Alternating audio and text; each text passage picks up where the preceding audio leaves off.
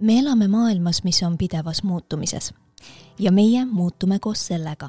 kui me ei muutuks, siis me sureksime välja. igasugune muutus toob aga endaga kaasa õppimise. kui rääkida ka õppimisest, siis mõeldakse tihti kohe kooliharidusele, kuid õppimine on tegelikult pidev protsess, mis kestab terve elu ja pole piiritletud ainult kindlate institutsioonidega. tere tulemast kuulama podcasti Ennastjuhtiv mina kolmandat osa mina olen Liina Kitt ning täna räägin teile õppimisest, sellest, kuidas see on seotud lapsepõlvega, selgitan, kuidas tekib üldse mälu ning mida me peaksime teadma, et õppimisest tõhusamad olla. mõnusat kuulamist! juba väikese lapsena oleme väga õpihimulised, soovides maailma enda ümber paremini tundma õppida ja seda nii vajadusest kui ka puhtast uudishimust kas teadsite, et lapsed vanuses kolm kuni viis eluaastat küsivad kuskil kolmsada küsimust päevas? kui palju küsimusi teie päevas küsite? lapsed teavad, et küsimuste küsimine või näpuga erinevatele objektidele näitamine viib vastusteni, olulise infoni, mida neil on vaja, et siin maailmas hakkama saada. kui lapse huvile aga ei reageerita või reageeritakse vaikusega või hoopis pahameelega, siis ta aja jooksul loobub uudishimust ehk ta loobub arengust, sest keskkond ei soosi seda. nüüd ühendused ajus tekivad aga tänu kogemusele ja keskkonnast tulevale infole. seega meie areng on sõltuvuses välismaailmast ning me peame lootma sellele, et õigel ajal saab aju piisavalt stimuleeritud. mis on aga õige aeg? niinimetatud õige või oluline aeg on esimesed kaks eluaastat, mil aju on võimeline looma kuni kaks miljonit ühendust iga sekund teiseks eluaastaks on ühel närvirakul kuskil viisteist tuhat ühendust, mis on poolteist korda rohkem kui keskmisel täiskasvanul. pärast teist eluaastat hakkab ühenduste arv aga vähenema. alles jäävad vaid need ühenduste mustrid, mida päriselt ka kasutame. aga mis juhtub siis, kui alla kaheaastase lapse aju ei saa piisavalt stimuleeritud? meie sõltuvus nüüd välismaailmast on tõesti õnnemäng, sest see ei anna meie ajule alati seda, mida ta vajab. näiteks tuhande üheksasaja kaheksakümne üheksandal aastal Nikolai Ceausescu režiimi lagunemise ajal oli Rumeenias orbude kodus kokku sada seitsekümmend tuhat last sealsed lapsed olid tihti jäetud väga halbadesse oludesse, kus kontakt hooldajatega oli piiratud, rääkimata siis armastavast keskkonnast või arenguvõimalustest taoline lapse hooletusse jätmine ei piirdu lapse jaoks ainult üksildustunde või tugeva stressi kogemisega, see mõjutab ka aju. kui aju välismaailmast vajalikul määral sisendit ei saa, siis ta ei oska õigeid ühendusi luua, seega arengut vajalikul määral ei toimu mis tähendab, et antud lastel tuvastati madal IQ kuuskümmend kuni seitsekümmend, nad hakkasid hulga hiljem rääkima ja neil olid väga suured probleemid kiindumisega ning tugevad õpiraskused hilisemas elus. samuti oli nende aju alaarenemise märkidega ehk reaalselt väiksem ja närviühenduste vaheline aktiivsus oli hulga madalam kui tavalistel lastel. lapsed, kes aga adopteeriti enne teist eluaastat, üldjuhul taastusid seega õppimisel loeb väga inimese individuaalsus, loevad tema eelteadmised ja kogemused, mille mõjutajateks on tema isiksus, perekond ja teda ümbritsev kultuur. eelnev määrab ära, kui võimekas või motiveeritud õppija on, kui väärtustatud on üldse õppimine ja muuhulgas ka usk endasse. Enne kui jõuame ajule sobivate õppimismeetodite juurde, siis on meil vaja kõigepealt mõista, kuidas ta üldse mälestusi loob ja kuidas me need sealt kätte saame sest juba Sokrates ütles, et ilma mäletamiseta ei saa olla õppimist mälestused luuakse erinevate neuronühenduste kaudu, mis moodustavad omaette mustri. iga kord, kui me meenutame midagi konkreetset, siis need sünapsid ehk ühendused kasvavad tugevamaks. Ühenduste ümber moodustub müeliinkiht ehk teekond nii-öelda asfalteeritakse ära, mis tähendab, et me saame antud infole kiiremini ligi. Kuid mälestused pole ajus ühes kohas koos, vaid erinevat tüüpi mälestused asuvad eri piirkondades. Näiteks ajupiirkonda, mis loob uusi teadlikke mälestusi, kutsutakse hipokampuseks. inimestel aga, kellel on hipokampus eemaldatud, säilib juurdepääs vanadele mälestustele, mis näitab, et need asuvad mujal ja nimelt paiknevad need hoopis neokorteksis. kui te mõtleksite oma esimesele koolipäevale, siis hakkaks äh, teie aju nii-öelda vaatama ringi, et kus see info salvestatud on. kui mäletad väga selgelt kooli koridoride rohelisi seinu, siis see mälupilt on salvestatud neokorteksi sellesse osasse, mis vastutab visuaalsete protsesside eest. Seega, kui mälestus sisaldab paljusid erinevaid stiimuleid, näiteks värve, lõhnu, tekstuure, mis on talletatud erinevatesse neuroni vahelistesse võrgustikesse, mis asuvad aju erinevates osades, siis ma loodan, et mõistate, miks need mälestused nii selged on. sest mida rohkem on ühendusi, seda kergemini saame info ajust kätte.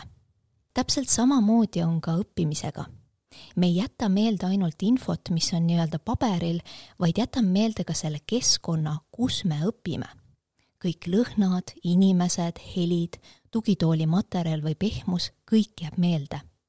Need saavad meie vihjeteks, mis võivad meil hiljem aidata infot mälust kätte saada. ühes katses pandi inimesed õppima sõnu, samal ajal mängis taustaks muusika. nüüd hiljem teadmisi testides suutis see rühm, kellele lasti õppimise ajal mängitud muusikat meenutada kaks korda rohkem sõnu kui need, kellele anti testimise ajal kuulata teistsugust muusikat või need, kes pidid sõnu meelde tuletama hoopis vaikuses. see näitab, kuidas keskkond, kus õpime, võib meie teadmiste kättesaadavusele nii kaasa aidata kui ka seda pidurdada.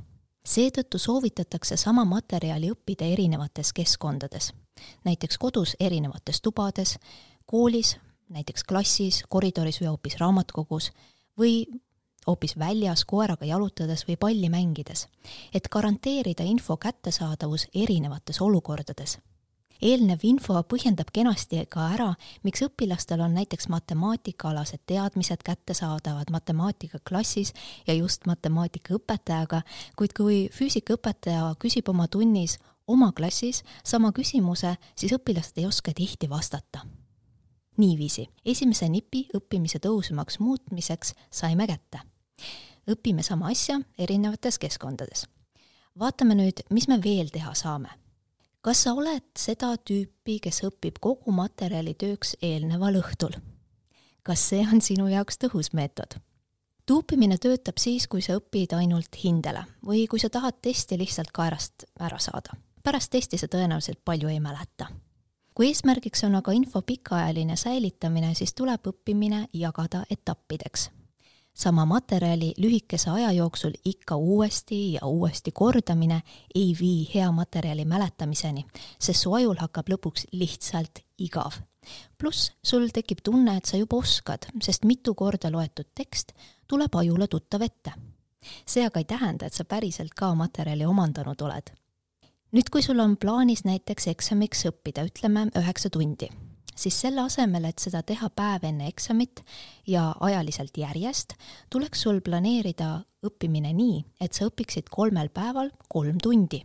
nii sa annad endale võimaluse kordamiseks ja ka järgmiseks väga oluliseks aspektiks, nimelt pausideks.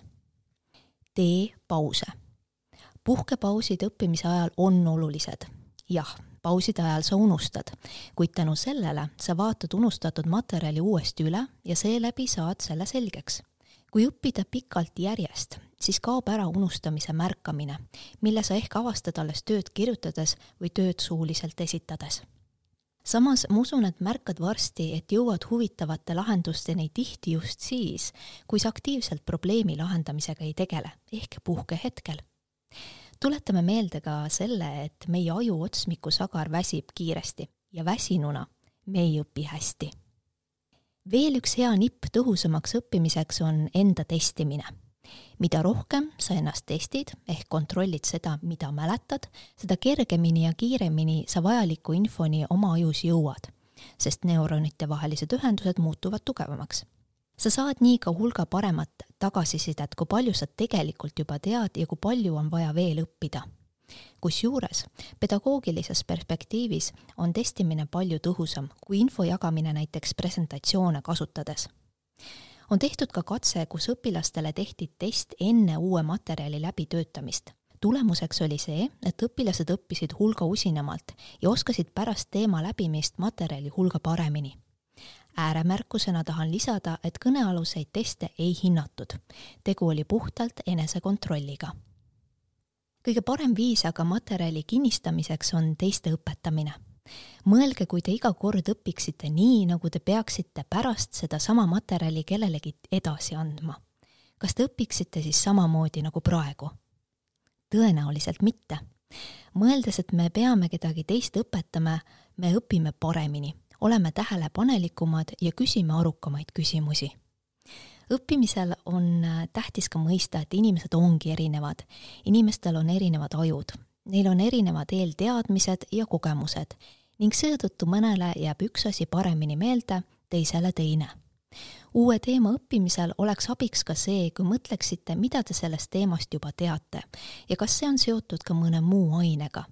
Selle seose võib luua teile loomulikult ka õpetaja, kuid parem on, kui te loote antud seose oma peas täitsa ise kokkuvõtteks tahaksin öelda, et õppimine pole tugitoolisport, ainult vaatlusega kaugele ei jõua.